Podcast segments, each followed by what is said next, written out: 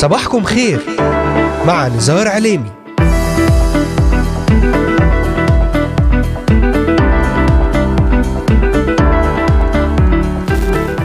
الثامن عشر من شهر يناير كانون الثاني للعام 2024 المستمعات والمستمعون صباح الخير.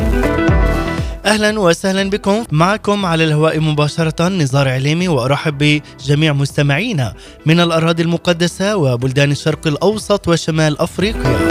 من سوريا، لبنان، مصر، تركيا، الأردن والعراق، ليبيا، اليمن، السعودية والكويت، مستمعين من أستراليا، أمريكا، ألمانيا، كندا والسويد والذين يتابعوننا ويتواصلون معنا على مختلف منصاتنا الاجتماعية لإذاعة صوت الأمل.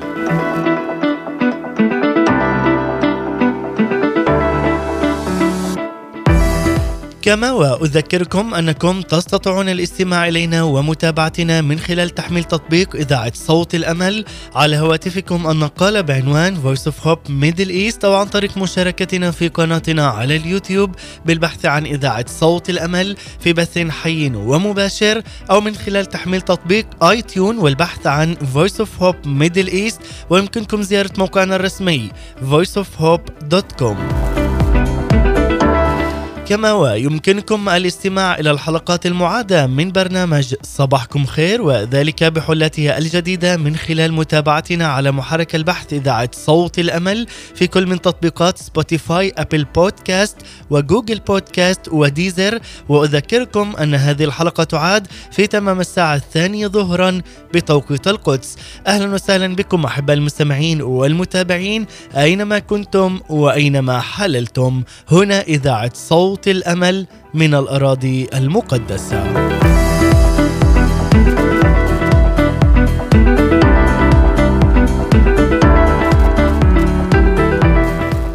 لربما قد قرأت أو سمعت هذه الآية في الكتاب المقدس وتحديدا في سفر نشيد الأنشاد. شماله تحت رأسي ويمينه تعانقني.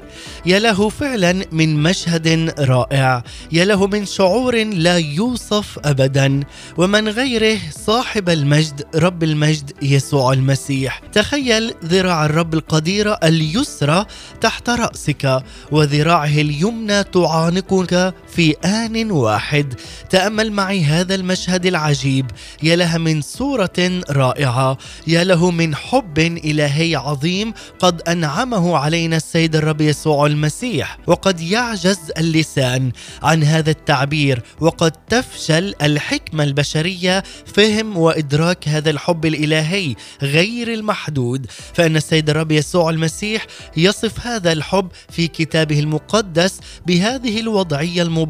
المقدسة أننا مكتنفون بذراعيه. لابد أن نتساءل لماذا يا رب؟ وما سر هذا الحب العظيم؟ ما سر هذا الحنان للبشرية أجمعين؟ وما دافع هذه العلاقة القوية التي تربطك بنا يا سيدي نحن البشر؟ عز المستمع إن كل هذه التساؤلات يتساءلها الإنسان لأنه بالأصل هو خاطئ. فعندما نريد أن نفعل ونعطي أو نقوم بتضحية ما قد نفكر بهذا الأسلوب ولكن الله على خلاف ذلك فهو يتعامل معنا بمحبة غير متناهية محبة عظيمة وليس لها أي حدود والبرهان على ذلك بموته على الصليب من أجل الجميع أي من أجل الخطاة. فإن محبة الرب هذه قد شقت السماء وعبرت الفضاء والكواكب ووصلت إلى أعماق الأرض ليرتوي أي إنسان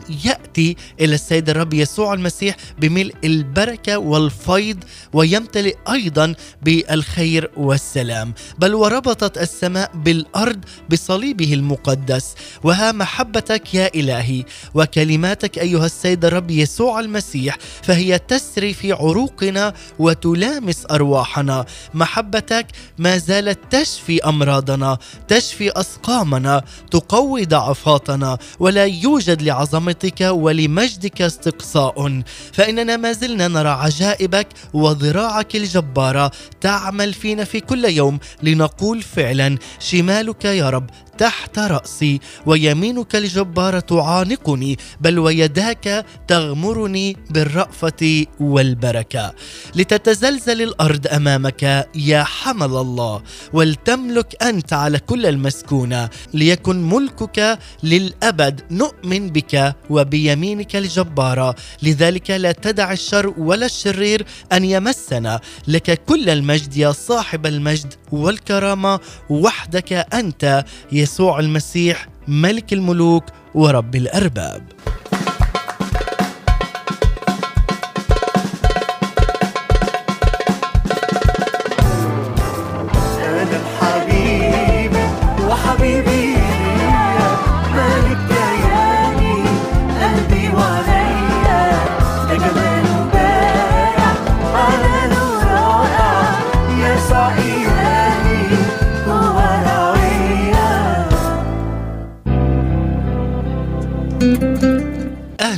وسهلا بكم أحبائي المستمعين والمتابعين في هذا اليوم الجديد. نكون معكم مع ختام الجزء الأخير من سفر نشيد الأنشاد. أنا لحبيبي وحبيبي لي علاقة حب متبادلة ومقدسة لا نهاية لها ابدا.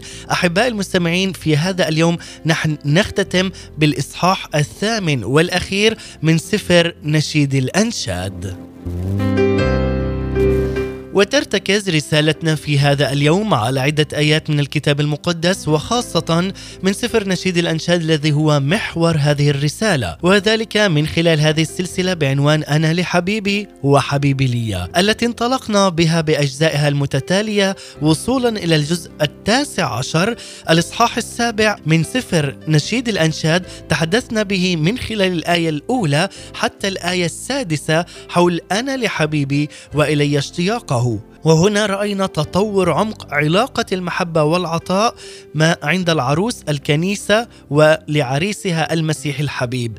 أما في الجزء العشرين اختتمنا معا الإصحاح السابع حول أنا لحبيبي وإلي اشتياقه لنرى انعكاس جمال وصفات العريس يسوع المسيح على الكنيسة المصلية لتكون كالسوسن وشلميث وخمائل الطيب. أما يوم أمس الأربعاء في الجزء الحادي والعشرين قد سلطنا الضوء من خلال بداية الإصحاح الثامن والأخير من سفر نشيد الأنشاد بآياته الأولى حول عروس سفر النشيد في أعلى مستويات الحب لعريسها المسيح قائلة له اجعلني كخاتم على قلبك كخاتم على ساعدك. أما اليوم الخميس سنختتم معا سفر نشيد الأنشاد وذلك بعدما يقارب الشهر تقريبا على دراستنا في هذا السفر المقدس. سنختتمه اليوم بالآيات الأخيرة من الإصحاح الثامن بالإضافة لبعض التلخيصات للحديث أكثر حول ختام الجزء الأخير من سفر نشيد الأنشاد. أنا لحبيبي وحبيبي لي علاقة حب متبادلة ومقدسة لا نهاية لها. ابدا. علما أحباء المستمعين أنه لمن انضم الآن إلينا في الجزء الثاني والعشرين والأخير. أشجعك عزيزي المستمع لمتابعة الأجزاء الأولى كي تتعمق معنا خطوة بخطوة حول سفر نشيد الأنشاد كونه هو أحد الاسفار الشعرية القانونية في العهد القديم. وأيضا أحباء المستمعين أدعوكم للتمتع معنا بهذه الرحلة الجميلة السماوية لكي تأخذنا في وقت سماوي روحي بمنظور جديد لحياتنا الروحيه كي نتعمق معا من خلال سفر نشيد الأنشاد المكون من ثمانية إصحاحات في العهد القديم في الكتاب المقدس لكاتبها الملك سليمان الحكيم. واليوم وصلنا لختام دراستنا في هذا السفر المقدس في الإصحاح الثامن والأخير. وسنختتم أيضا اليوم بفقرة سؤال جواب مع خدام الرب المباركين الأخ عياد ظريف والدكتور فريد زكي. وكل الشكر مني لهما على هذه الإيضاحات والشروحات الروحية العميقة جدا لسفر نشيد الأنشاد طيلة هذه السلسلة المباركة. أحباء المستمعين والمتابعين نحن نتطرق معا لهذه هذه المواضيع الهامة جدا من خلال برنامج صباحكم خير. تابعونا وابقوا معنا على السمع معكم على الهواء مباشرة نزار عليمي. أرحب في جميع الذين انضموا الآن إلينا لإذاعة صوت الأمل. لكن قبل أن ندخل ونتعمق مع ختام ونهاية الإصحاح الثامن من سفر نشيد الأنشاد دعونا نستمع إلى هذه الترنيمة الرائعة ترنيمة اجعلوا تسبيحه ممجدا مع فريق التسبيح. أعطوا للسيد الرب يسوع المسيح. كل الشكر والحمد والتسبيح. نرنم ومن ثم نعود لنختتم معكم الجزء الأخير من الإصحاح الثامن من سفر نشيد الأنشاد.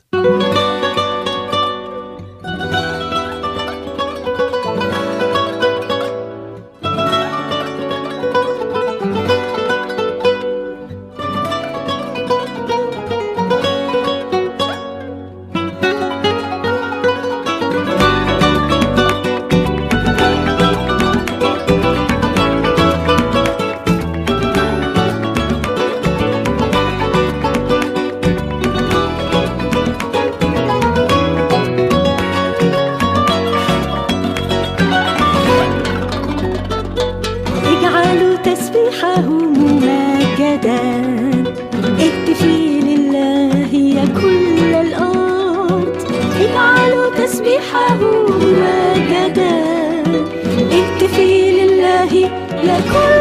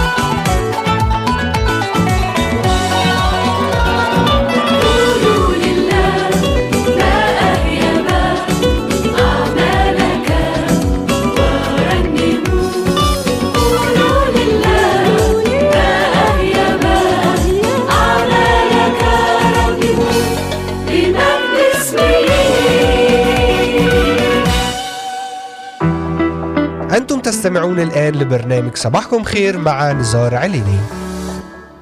عودة لكم من جديد أحباء المستمعين والمتابعين بعد أن استمعنا واستمتعنا بداية مع فريق التسبيح. اجعلوا تسبيحه ممجدا لنعطي له كل المجد والتسبيح والإكرام. له كل المجد إله المجد ربنا ومخلصنا يسوع المسيح.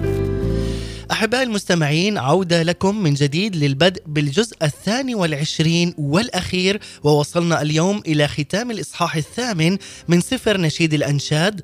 ضمن سلسلة أنا لحبيبي وحبيبي لي ونسلط الضوء اليوم في هذا الجزء بالحديث أكثر حول ختام الجزء الأخير من سفر نشيد الأنشاد أنا لحبيبي وحبيبي لي للحديث أكثر حول علاقة حب متبادلة ومقدسة لا نهاية لها أبدا. والآن أحبائي نكون معا مع الإصحاح الثامن من الآية التاسعة حتى الآية الحادية عشر إذ يقول إن تكن سورا فنبني عليها برج فضة. وان تكن بابا فنحصرها بألواح أرز. أنا سور وثدياي كبرجين حينئذ كنت في عينيه كواجدة سلامة. كان لسليمان كرم في بعل هامون. دفع الكرم إلى نواطير. كل واحد يؤدي عن ثمره الفا من الفضة. نعم احبائي المستمعين خاصة هنا في الآية التاسعة يقول إن تكن سورا فنبني عليها برج فضة. هذه كانت إجابة العريس يسوع المطمئنة ومعنى ما قيل هنا أي لو بدأت النفس تستجيب لعمل الله أي للأشخاص الذين فعلا قد آمنوا في اسم يسوع المسيح هنا قد تظهر أي بادرة استجابة واقتنعت النفس بالجهاد لكي فعلا تأتي وتعلن حياتها بالكامل. للرب يسوع المسيح وقد انسكبت هنا نعمة الله بشكل لا يمكن تصوره وساندها هنا الله بعمل إيجابي ومبارك.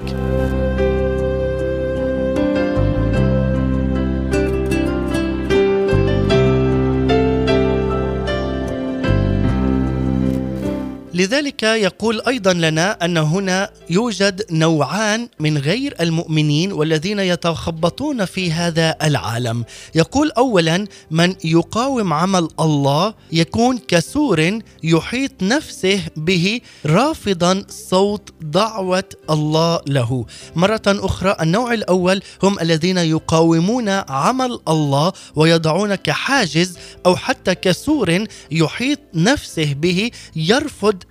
تماما صوت دعوة الله. ومثل هذا نبني عليه برج فضة لكي نعطيه كلمة السيد الرب يسوع المسيح بكل قوة وسلطان لكي تهزم أعمال إبليس ويرفع اسم يسوع عاليا.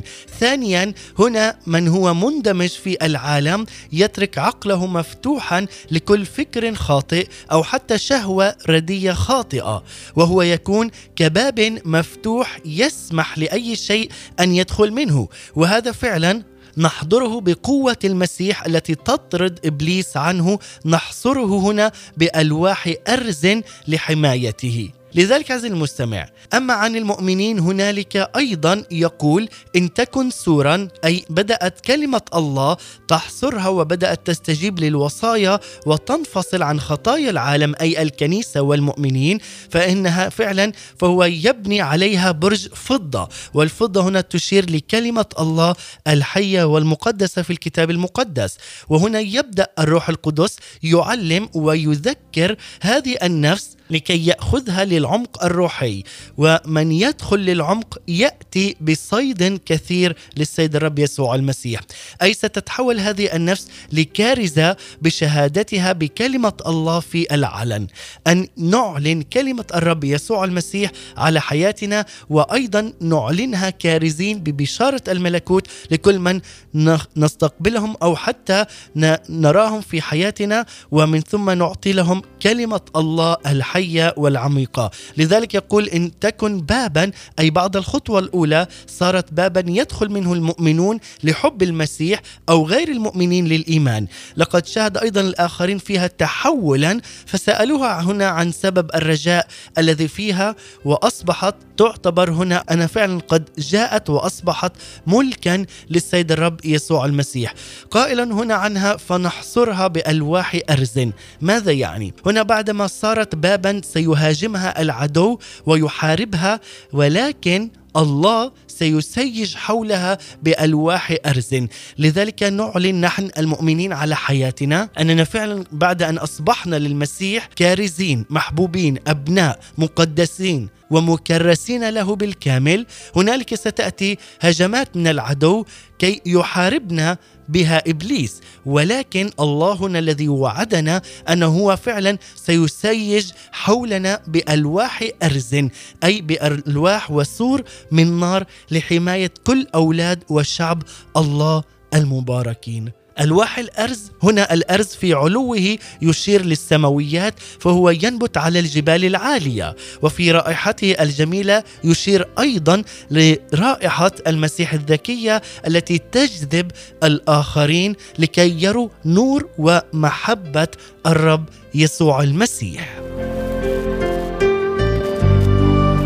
علما أنه أيضا عندما يعلو الأرز فإنها فعلا يشير إلى علو الأرز إلى الأفكار السماوية في حياتنا التي فيها حماية لأي مغريات عالمية.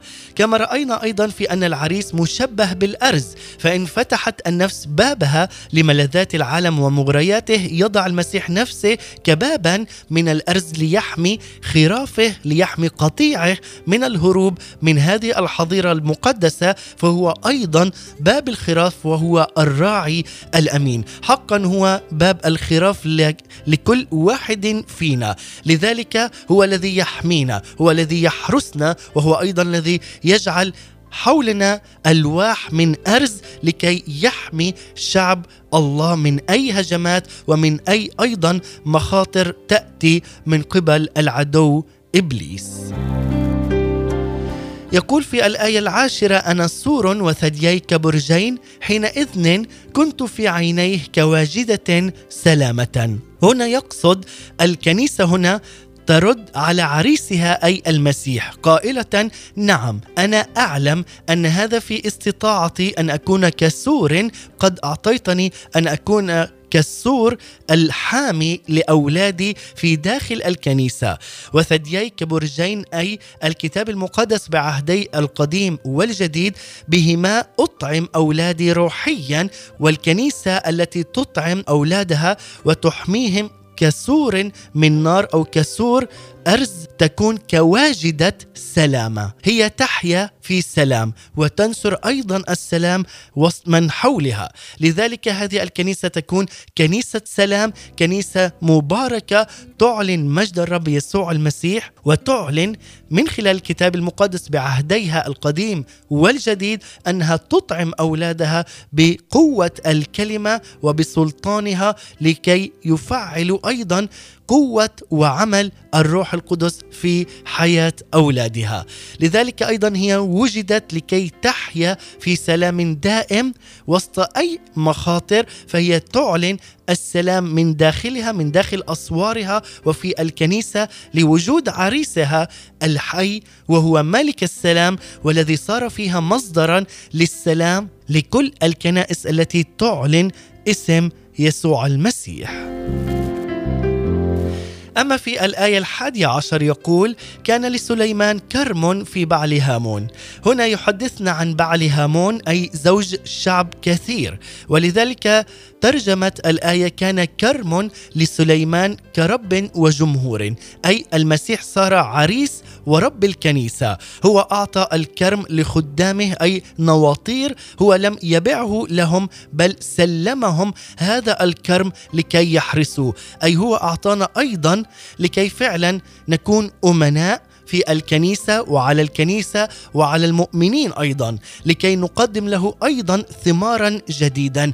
أنفس نفوس جديدة تأتي إلى السيد الرب يسوع المسيح ولكننا ما زلنا نحن في كرمه المحب. لذلك على الخدام أن يقدموا له ألفا من الفضة ماذا يعني؟ هنا يشير إلى السماويات أي الثمر الذي يطلبه الله من خدامه أن يقدموا له ثمارا لعملهم والثمار التي تفرح قلب الله وتشبع النفوس التي آمنت ورجعت وصارت نفوسا سماوية تعلن اسم يسوع على حياتها لذلك عزيزي المستمع ما أجمل فعلا أن نتمتع بهذه الصفة التي أعطاها رب المجد يسوع المسيح لنكون فعلا أمناء لنكون أيضا مباركين في الكنيسة وخارج الكنيسة لكي نعلن ونعكس صورة ومجد وبهاء رب المجد يسوع المسيح.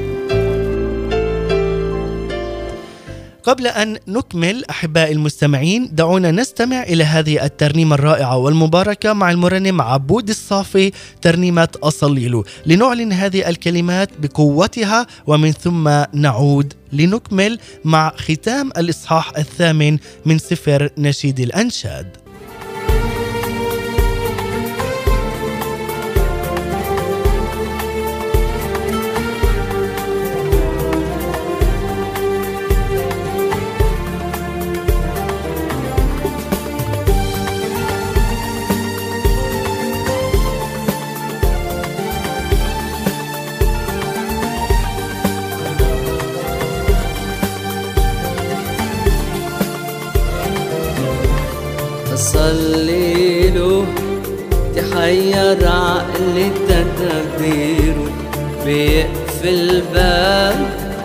ويفتح ألف باب غيره أصلي له تحير عقلي تدبيره بيقفل باب ويفتح ألف باب غيره يا دوب يلمح إيدي امامه مرفوعة بحب عجيب عليا يفيد جازل خيره ما بفهمهوش ساعات يمكن وبتذمر وأشوفه بعيد في وقت الضيق ومتأخر.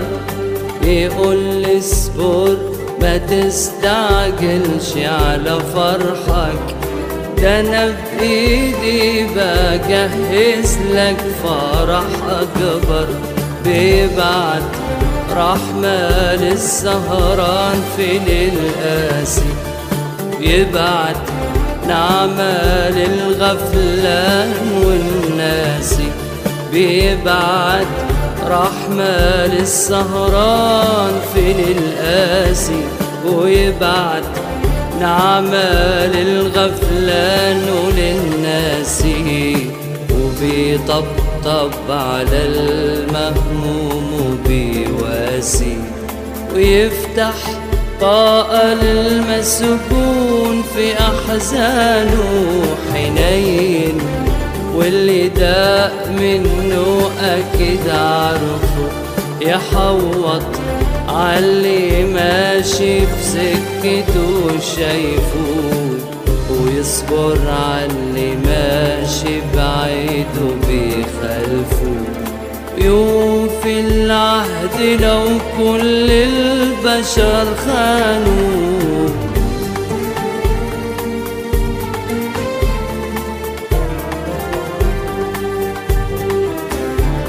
أروح عنده أحط الحمل وأسيبه وأنا مرتاح ما أنا واثق في ترتيبه.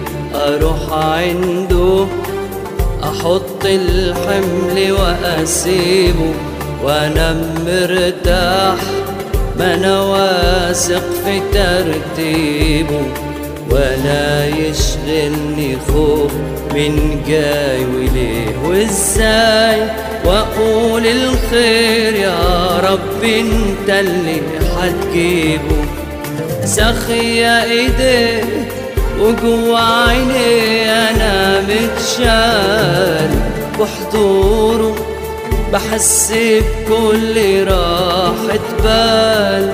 ده ألف وعوده هيعوضني عن التعب سنين عدت وبكرة حيبقى أحسن حال.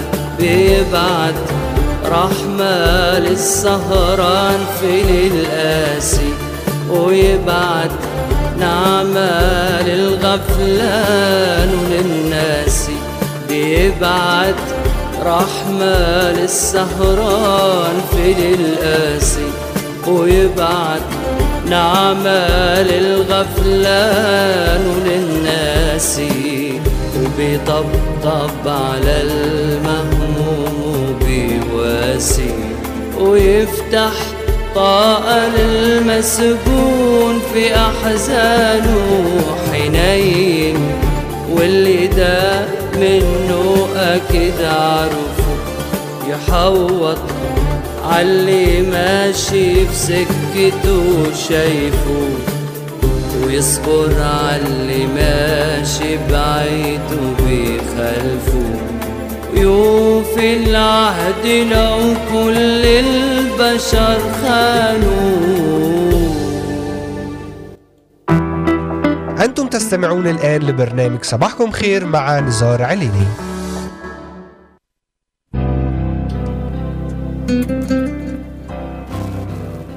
نعم سخية إيديه. وجوا عيونه أنا متشال وحضوره بحس بكل راحة بال. ده ألف وعوده هيعوضني عن أتعاب. فعلا ما أحلى وما أجمل. هذه الكلمات التي تلامس النفس والروح. هي التي فعلا تعطي بركة وأن نعلن هذه الكلمات على حياتنا. في حضور السيد الرب يسوع المسيح يأتي كل بركة وراحة بال في وعوده هو الذي يعوض عن السنين التي أكلها الجراد. هو الإله الحي الذي يسمع ويستجيب. عودة من جديد لكم أحباء المستمعين والمتابعين لاستكمال الجزء الثاني والعشرين والأخير ووصلنا إلى ختام الإصحاح الثامن من سفر نشيد الأنشاد ونحن نسلط الضوء اليوم في هذا الجزء الأخير بالحديث أكثر حول ختام الجزء الأخير من سفر نشيد الأنشاد. أنا لحبيبي وحبيبي لي علاقة حب مت- متبادلة ومقدسة لا نهاية لها أبداً. قد شرحنا قبل هذه الترنيمة الآية التاسع حتى الآية الثانية عشر من الإصحاح الثامن والآن نكمل من الآية الثالثة عشر والآية الرابع عشر والأخيرة. يقول هنا أيتها الجالسة في الجنات. الأصحاب يسمعون صوتك فاسمعيني. أهرب يا حبيبي وكن كالظبي أو كغفر الأيائل على جبال الأطياب. هنا فعلا عندما نقرأ ونرى هذه الآية هنا تقول أن حب العروس أي الكنيسة لم يعد خفيا ولا مكتوما. أيتها الجالسات؟ الجالسة في الجنات. الأصحاب يسمعون صوتك. هنا الأصحاب السمائيين أي أصبحوا يفرحون بصوت التسابيح من خلال الكنيسة والأرضيين أيضا يفرحون بصوت كرازتها. أي صوت الكنيسة أصبح مسموعا وليس مكتوما بل أصبح مسموعا روحيا من الأرض إلى السماء. كما تنازل هو من أيضا أعلى السماء إلى أرضنا. وهكذا نحن نرد بهذا المكتوب إلى السيد الرب يسوع المسيح. نعلن ونرفع له تسبيحة الحب تسبيحة القداسه ولكل له كل المجد. نعلن اسم يسوع فوق كل اسم. فهو يفرح بهذا الصوت ويفرح أيضا بالترنيم وبالتسبيح ويفرح بالمؤمنين الذين أعلنوا اسم يسوع المسيح على كل الأرض. أما في الآية الرابعة عشر والأخيرة تقول هنا العروس أهرب يا حبيبي وكن كالظبي أو كغفر الأيائل على جبال الأطياب. وهنا أحبائي المستمعين شيء هام جدا نختتم به هذا الإصحاح الثامن أو هنا بالأحرى العروس تختتم بهذه الكلمة هنا جبال الأطياب تشير للمكان السماوي الذي فيه المسيح يسوع الآن يشفع في عروسه الكنيسة والمؤمنين وينتظرها وهي أيضا مشتاقة ليوم اللقاء. في السماء ما عاد هناك جبال مشبعة لا جبال نمور ولا أسود فلا تجارب أو حتى الام ولا ضيقات ولا حروب من إبليس فأورشليم السماوية لا يدخل لها أي شيء نجس بل فرح لا ينطق به ومجيد. هذه هي الأطياب. وإنما يقول لنا هنا أو تقول العروس أهرب. هنا جاءت بمعنى أهرب سريعا أو أسرع إلي يا حبيبي يا عريسي المبارك يسوع المسيح. وتعالى في مجيئك الثاني والأخير لكي تأخذنا معك وكن كالظبي أو كغفر الأيائل. وهو هنا معروف بسرعته. أي أسرع وتعالى دائسا على كل محاربات العدو. وفعلا تعالى يا الله تعالى وخذنا معك في المجيء الثاني كما كان مجيئك الأول لخلاص البشرية. أما المجيء الثاني فيكون فعلا لكي تأخذنا معك ويكون أيضا للدينونة للذين هم لم يختبروا محبة الرب ولم يؤمنوا في اسم يسوع المسيح. لذلك عز المستمع ما أجمل أن نعلن. آمين. تعالى أيها الرب يسوع المسيح. تعالى كالظبي أو كغفر الأيائل على جبال الأطياب. هذه الجبال التي تشير كما قلنا للمكان السماوي الذي فيه يسوع المسيح ربا ومخلصا والذي فعلا يشتاق لكي يأتي ويأخذنا معه لكي نبقى معه إلى أبد الآبدين. نسبحه ونكرم اسمه إلى الأبد. والآن أحبائي إليكم نظرة شاملة وكاملة على الإصحاح الثامن والأخير الذي قد تحدثنا به بجزئيه الأول والثاني في يوم أمس واليوم. بدأ السفر بقصة حب بدأها الله تجاه النفس البشرية ويشرح أيضا في الإصحاح الثاني إلى أي مدى يصل هذا الحب للتجسد ولكن مشكلة آدم الذي سقط ونسله لن تنتهي بالتجسد فقط فنحن ما زلنا في الجسد في هذا العالم على الجبال المشبعة أو المشعبة المشعبة. وفعلا نجد النفس تسقط ويدركها الله فتعود لجمالها المستمد من جمال عريسها الحبيب يسوع المسيح. بل تصير النفس مثمرة وخادمة لها ثمر كثير. لكن تعود وتنتفخ فتسقط يقول لنا في الإصحاح الخامس. ويعود هنا عريسها كي ينتشلها مرة أخرى وتعود لمحبتها له. وتستعيد صورتها وتحيا في السماوات متهللة مرنمة مسبحة مع السمائيين. ورقص هنا تشير رقص الصفين إلى أيضا تعبير عن الفرح والتسبيح بسبب حياتها وحالتها الروحية السماوية. كما أيضا نرى في الإصحاح السادس والسابع أيضا نرى فرحة العريس بها وبأنها صارت كنيسة واحدة ممجدة ومباركة وتعلن اسم يسوع للجميع.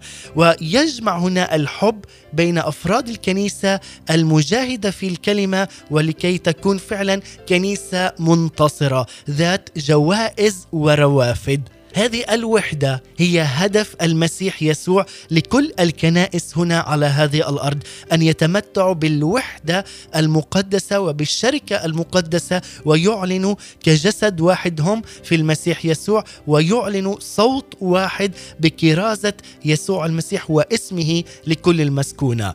وعبر عنها هنا بقوله ما أجمل دوائر فخديك أي ترابط أعضائها بالمحبة. فالكنيستين صار بيتا واحدا. ثم نصل هنا لقمة العلاقة السماوية المباركة إذ تنفتح عينا العروس الكنيسة على محبة الله وتشتهي يوم التجسد فعلا لترى المسيح الذي هو رسم جوهر الآب وبهاء مجده. وترى فيه أيضا في المسيح صورة أوضح من معرفته حتى الآن أي قبل التجسد فيزداد حبها للسيد الرب ولعمل محبة العريس وتريد هنا أن تعلن عن محبتها أمام الجميع. لذلك أيضا تقول شماله تحت رأسي ويمينه تعانقني. هذا هو الحب العميق جدا من رب المجد يسوع المسيح أن يعانقنا يعانق كنائسنا أرواحنا أجسادنا يعانق أيضا جميع المؤمنين لكي يكونوا كجسد واحد في المسيح يسوع. كما أيضا أحبائي تلخيصا لهذا السفر المقدس يلخصه لنا أيضا هنا بولس الرسول في مبدأين هامين. يقول لأن محبة المسيح تحصرنا ومن سيفصلنا عن محبة المسيح؟ وهذا فعلا ما سبق إشعياء وتنبأ عنه قائلا غنوا للكرمه المشتهاه ليت علي الشوق. ويضيف أيضا إشعياء إذ فهم حب المسيح وشهوته للصليب أو للصلب لأجل عروسه الذي يريد أن يفديها. ليتك تشق السماوات وتنزل. هو العريس الفادي وهو العريس المخلص يسوع المسيح. لذلك حب العريس وشهوته للتجسد والصلب ليمسك بعروسه الكنيسة كي يخلصها. لذلك عبر عنها بولس الرسول قائلا لأنه حقا ليس يمسك الملائكة بل يمسك نسل إبراهيم. وحب العروس متمثل هنا في الاهتمام أيضا بالآخرين. لذلك قد اتضح هنا في نهاية الإصحاح السابع بتقديم ذاتها بالكامل لعريسها قائلة أنا لحبيبي وإلي اشتياقه.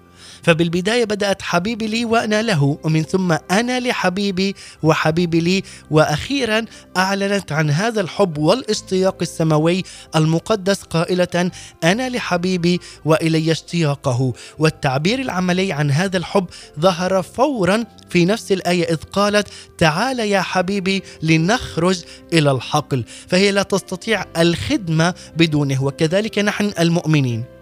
لا نستطيع أن نخرج إلى الخارج بدون عمل وقوة وإرشاد الروح القدس بدون الملك يسوع المسيح ليكون معنا. لماذا؟ لننظر هل أظهر الكرم والكرم هو الكنيسة. لذلك يقول أيضا كخاتم على قلبك الروح القدس أشعل محبة المسيح فيها فصارت محبة الله تذوب في حب العريس. محبتها هي العروس تذوب في محبة وحب العريس رب المجد يسوع المسيح. لذلك أعلنت أخيرا لأن المحبة قوية كالموت وهنا تشير أيضا إلى موت يسوع المسيح على الصليب وقيامته لأجل خلاصنا غفران كامل لخطايانا وأيضا لأجل اتحادنا به بالكامل. لذلك عز المستمع ما أجمل أن نعلن هذه الكلمات على حياتنا أننا نحن أحباء نحن محبوبين على قلب السيد الرب يسوع المسيح له كل المجد. أحبائي سنكون الآن أيضا مع ترنيمة القد... ترنيمة القدوس المهوب هو الله مع المرنم كيرلس مجدي وفريق الحياة الأفضل ومن ثم سنختتم بالترابط المقدس وفعلا ترابط السفر ككنيسة منتصرة تكون في الأيام الأخيرة. سنعلن هذا بعد أن نستمع معا إلى هذه الترنيمة القصيرة ومن ثم نعود.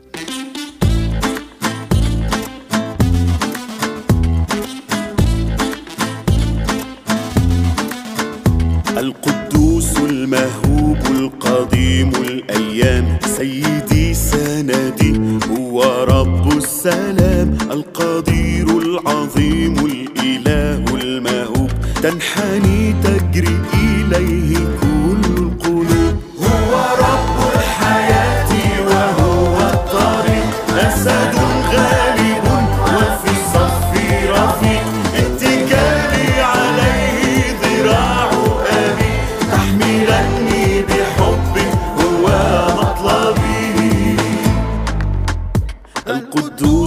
المهوب القديم الأيام. سيدي سندي هو رب السلام القدير.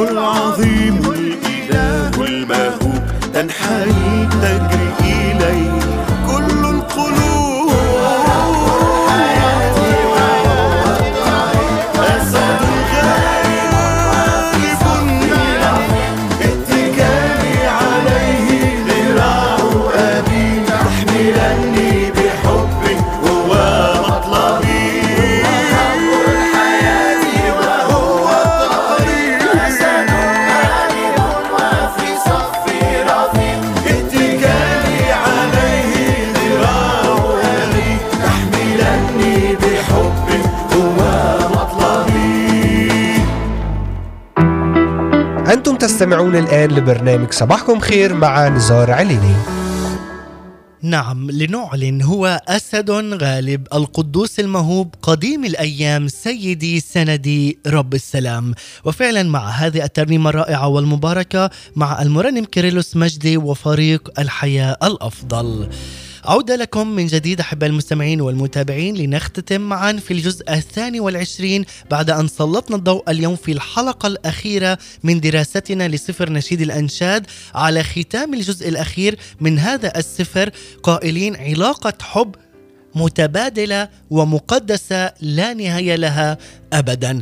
والآن سنختتم مع بعض التلخيصات والشروحات السريعة منذ بداية الإصحاح الأول حتى نهاية الإصحاح الثاني من سفر نشيد الأنشاد وماذا تعلمنا منه وفيما يلي ختام بصلاة خاصة ومباركة من الدكتور فريد زكي الذي كان ورافقنا ضمن فقرة سؤال جواب. والآن أحبائي نرى ترابط لهذا السفر المقدس. إذا يقول في الإصحاح الأول هنالك قصة حب. الله أحب الكنيسة والكنيسة أحبت الله بل الكنيسة هي مترابطة بالحب وهي كنيسة واحدة سماوية أرضية. لذلك الروح القدس يبكت ويعين فيعطينا ثبات في العريس والعريس الإبن يحملنا لحضن أبيه. لذلك العريس يسكن في كنيسته الحية المنقادة بقوة الروح القدس. وهذا حدث في من خلال قصة التجسد وهي قصة الحب وأيضا من خلال الصلب والقيامة. في الإصحاح الثاني التجسد وبركاته. المسيح يعطينا هنا جسده مأكلا حقا وهو يحمي كنيسته ويكملها وهي تعرفه فتحبه ولا تريد أن يزعجه أحد بخطية أو عدم إيمان. المعنى أنها لا تريد أن شيئا يقطع هذا الفرح السماوي الروحي الذي تشعر هي به وهو يساعدها على أن تحيا في السماويات أي في الجبال العالية. ولكن لأنها ما زالت على الأرض فهذه الجبال مشعبة أي هنالك تكون أحجار أشواق في طريقها والنفس في انتظار رجوع عريسها. ترجوه أن يكون لها كالظبي وغفر الأيائل ليرى هو هذه فعلا أي الحجار والأشواك كي يدوس عليها ويملأ الكنيسة بالروح القدس ويثبتها في عريسها المحبوب يسوع المسيح وهو الذي يمهد طريق المؤمنين والكنيسة لكي تخبر ونخبر بعمل وحق الإنجيل الخبر الصار الكلمة المقدسة على كل المسكونة. أما في الإصحاح الثالث يكون هنا الترابط السقوط والقيام. ماذا يعني؟ لأن النفس هنا ما زالت على الجبال المشعبة سقطت في بعض الأشواك أي التكاسل وكفت هنا عن جهادها الروحي. ثانيا عادت لمحبة العالم بفلسفاته وملذاته أي عادت هنا إلى الأسواق تبحث عن حبيبها التي تباع, تباع فيها أي بضاعة فاسدة في هذه الأسواق فهي عادت لمحبة العالم ولذة العالم. فما عادت تجد هنا عريسها أي العروس وتفرح به في علاقة حب ولكن لأن العريس هو كالظبي وغفر الأيائل أدركها بخدامه أي من خلال عيونه فعادت كالأول طالعة من البرية على الجبال ومجاهدة كالجبابرة. أما في الإصحاح الرابع فنرى هنا أن العريس هو معجب بعروسه خصوصا بعد نجاحها في عدم الاستمرار في السقوط على تلك الجبال المشعبة إذ عادت له بكل كرامة وبركة. ونجد هنا يتغنى بجمالها وفي محبة يحولها لبستان مثمر يفرح بهذه الثمار وخاصة بثمار الكنيسة وثمار المؤمنين الذين أعلنوا اسمه في كل الأرض. ولكن في ذات الوقت يحذرها من المخاطر في أثناء طلوعها أي صعودها على هذه الجبال المشعبة لكي لا تسقط مرة أخرى. أما في الإصحاح الخامس نرى هنا الترابط في هذا السفر أن العروس هي معجبة بعريسها الحبيب يسوع. وتتغنى بجماله وتصفه بعد أن مرت بتجربة فتور. قائلة فهي على الجبال المشعبة التوبة قد فتحت عيناها على صفات الحبيب. والعريس سبق وقال الصديق يسقط في اليوم سبع مرات ويقوم. أما في الإصحاح السادس قد رأينا أنه بعد الرجوع رجوع العروس تستعيد النفس صورتها التي فرح بها العريس يسوع خصوصا أنها فعلا أعلنت ملكها للسيد رب وعودتها لحالة أيضا أن تكون لحالة البركة والنعمة فهي تكون أيضا متجهة نحو السماء فنصفها وصل للسماء أي لجوائز والنصف ما زال يجاهد طالعا على الجبال المشعبة في الأرض وبنفس المفهوم فهما صفين هنا. الإصحاح السابع يقول أن العريس يتغنى بهذه الوحدة أن نكون فعلا موحدين. كواحد وجسد واحد وروح واحدة في المسيح يسوع في كل الكنائس. لذلك يقول هنا العريس يسوع أن الكنيسة المرتبطة بالمحبة وصفها هنا بالمفاصل أي دوائر فخديك لأنها واحدة فهي تهتم بباقي أعضاء الجسد. لذلك هذا هام جدا أن نكون نحن كجسد واحد ككنيسة واحدة في المسيح يسوع أن نكون مترابطين كأفراد جماعة مؤمنين في اسم الرب يسوع المسيح نعلن بركة الرب يسوع المسيح وحمايته على حياتنا وأيضا على كنائسنا. أما في الإصحاح الثامن والأخير يقول هنا أتحبني؟ ارعى خرافي. فعلامة المحبة هنا رعاية قطيع المسيح. هنا نرى العروس في محبتها لعريسها تنسى نفسها باحثة عن قطيع المسيح. ولذلك نحن اليوم نبحث أيضا عن قطيع المسيح. حقا هذا هو سفر الحب المتجلي بقصة أي الإله الحي يسوع المسيح. والكنيسة هي أيضا عروس المسيح في سفر نشيد الأنشاد لتكون فعلا كنيسة واحدة ووحيدة منتصرة كنيسة مجاهدة كنيسة سماوية مباركة تعلن اسم يسوع. ونعلن أيضا الكنيسة تأخذ شكل عريسها بصفاته وحياته أيضا. لذلك الكنيسة المباركة تعلن اسم يسوع المسيح هو شمس البر. الكنيسة أيضا مشبهة بشجرة التفاح والعريس هو التفاح فنحن أعضاء جسد المسيح كي نشبعه ونبارك اسمه في كل حين. حقا أحبائي عريسنا أقامنا معه وأجلسنا معه في السماويات. جعلنا نصلي أيضا ابانا الذي في السماوات وجعل سيرتنا أي جنسيتنا في السماويات. وهذا كان كله لأنه طأطأ السماوات ونزل أي بتجسده أعطى للكنيسة إمكانية أن تحيا في السماويات ونحن أيضا ان نحيا في ملء البركة والنعمة الإلهية. قائلين شكرا يا رب لأنك أنت الإله الحي. شكرا يا رب لأنك أنت فعلا قد نزلت من أعلى سماك بتجسدك لكي تخلصنا تحررنا تبررنا. هذه المحبة الإلهية الفعالة القوية كالموت لذلك أنت قد مت على الصليب من أجلنا يا يسوع المسيح لكي تعطينا حياة بل حياة أفضل بكثير كي تعطينا نصرة رفعة ككنيسة واحدة وكجماعة مؤمنين موحدين لنعلن بشارة الملكوت لكل المسكونة في كل الأرض. إلى هنا أحبائي أختتم وإياكم سفر نشيد الأنشاد وخاصة من الإصحاح الأول حتى الإصحاح الثامن ضمن سلسلة أنا لحبيبي وحبيبي لي. والآن دعونا ننتقل لفقرة سؤال جواب على سفر نشيد الأنشاد بشكل مختلف. اليوم نختتمه بالآيات الأخيرة من الإصحاح الثامن وبصلاة ختامية مع خدام الرب المباركين. الأخ عياد ظريف والدكتور فريد زكي. لنستمع إلى ماذا قال عن مجمل دراسة سفر نشيد الأنشاد. ونستمع ونصلي معهما مع هذه الصلاة المباركة لنعلنها على حياتنا وأيضا على كنائسنا في اسم يسوع المسيح. نستمع ونختتم بترنيمة.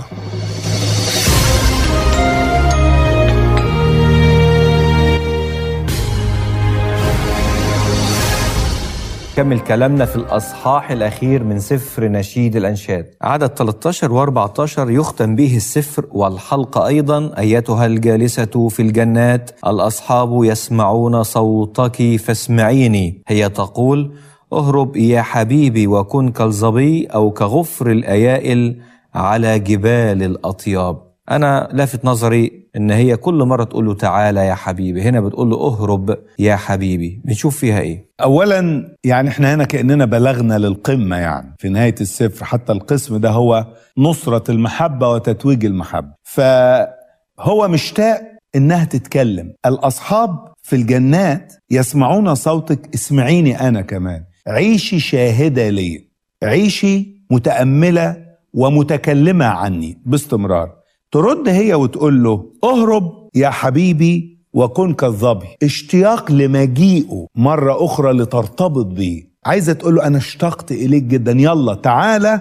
تعالى وخدني من هنا مع بعض بقى نمشي. لنذهب معا. وكن في سرعتك كالظبي السريع والغزلان الصغيرة اللي بتقفز قفزا فوق التلال وفوق الجبال. يعني يختم السفر بنغمة عالية جدا هي الاشتياق إلى الاتحاد الدائم بلا فراق هي تدعوه طوال السفر تعالى يا حبيبي تعالى يا حبيبي. وعندما يأتيها يأخذها ويأخذها كأنه يأخذها ويهرب من من الأرض. هي تطوق للحظة اللي فيها لا توجد بمفردها لكن تذهب معه ويأخذها من هذا المكان. أثمن شيء أتركه بين يديك هو أن تقرأ الكتاب المقدس أن الرب من خلال هذا الكلام يحببك فيه. وكمان الكلام الأخير في السفر أهرب يا حبيبي اسرع يا حبيبي تعال يا حبيبي إحنا اشتقنا لك يا رب. بس على فكرة إذا الرب جه هياخد اللي أمنوا بيه بس العروس بتاعته بس كل واحد قابل المسيح مخلص شخصي ليه بس. يا ترى إذا جه المسيح هتكون معاه في السماء هياخدك معاه. مشتاق إنك تكون معاه مشتاق إنك تكون في الأبدية. اقبل المسيح مخلص شخصي لك. وقل له أمين تعالى. أيها الرب يسوع واسمعه يقول أنا آتي سريعا. رب يباركك يا دكتور فريد. أنا فعلا استمتعت بكلمة الله والدراسة مع حضرتك. يعني قلبي فاض بالسجود للرب وإحنا قدام كل كلمة بنشوف قد إيه مشاعر الرب تجاه المؤمنين قد. إيه الرب بيحب المؤمنين. المحبة قوية كالموت الغير قاسية كالهاوية. دكتور فريد ممكن نرفع صلاة. آمين. يا ربنا الغالي يسوع المسيح نشكرك لأنك أعطيتنا بصيرة لكي نؤمن بيك وأيضا لكي نحب كتابك ولكي ندرسه. نحن نستودعك الدراسة التي قدمت في سفر نشيد الأنشاد. واثقين وطالبين أن تستخدمها سبب بركة لنفوس كثيرة. استخدم هذا السفر للنمو وللتقدم الروحي. مزيد من الشهية في الدراسة وأيضا للشهادة عنك. هذا العمل كله نستودعه بين يديك. طالبين أنك تعمل منه شيئا لمجد اسمك وفائدة كل النفوس. ولك أيها الرب يسوع كل المجد. آمين.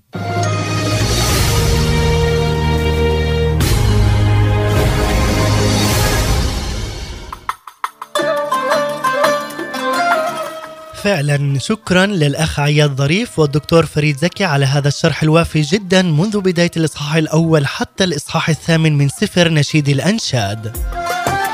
إلى هنا أحبائي المستمعين والمتابعين وبهذه الكلمات أختتم وإياكم مع ترنيمة نعمتك غنية مع المرنمة يوستينا سمير. نعمتك غنية نعمتك عظيمة.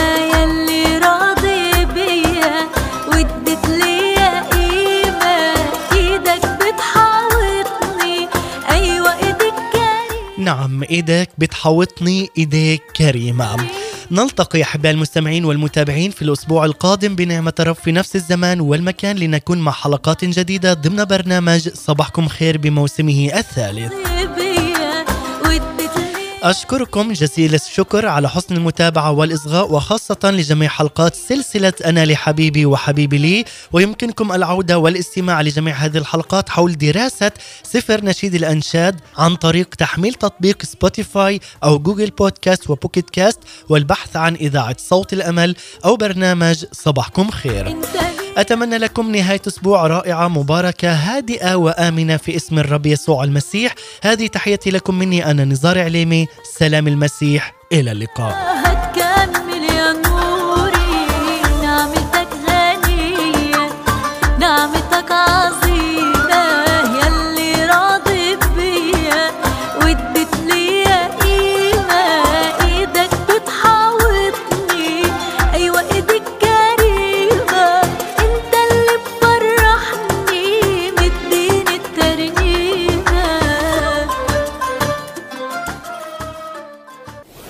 قال يسوع كما احبني الاب كذلك احببتكم أنا اثبتوا في محبتي Jesus said, As the Father loved me, I also have loved you. Abide in my love. إذاعة صوت الأمل The Voice of Hope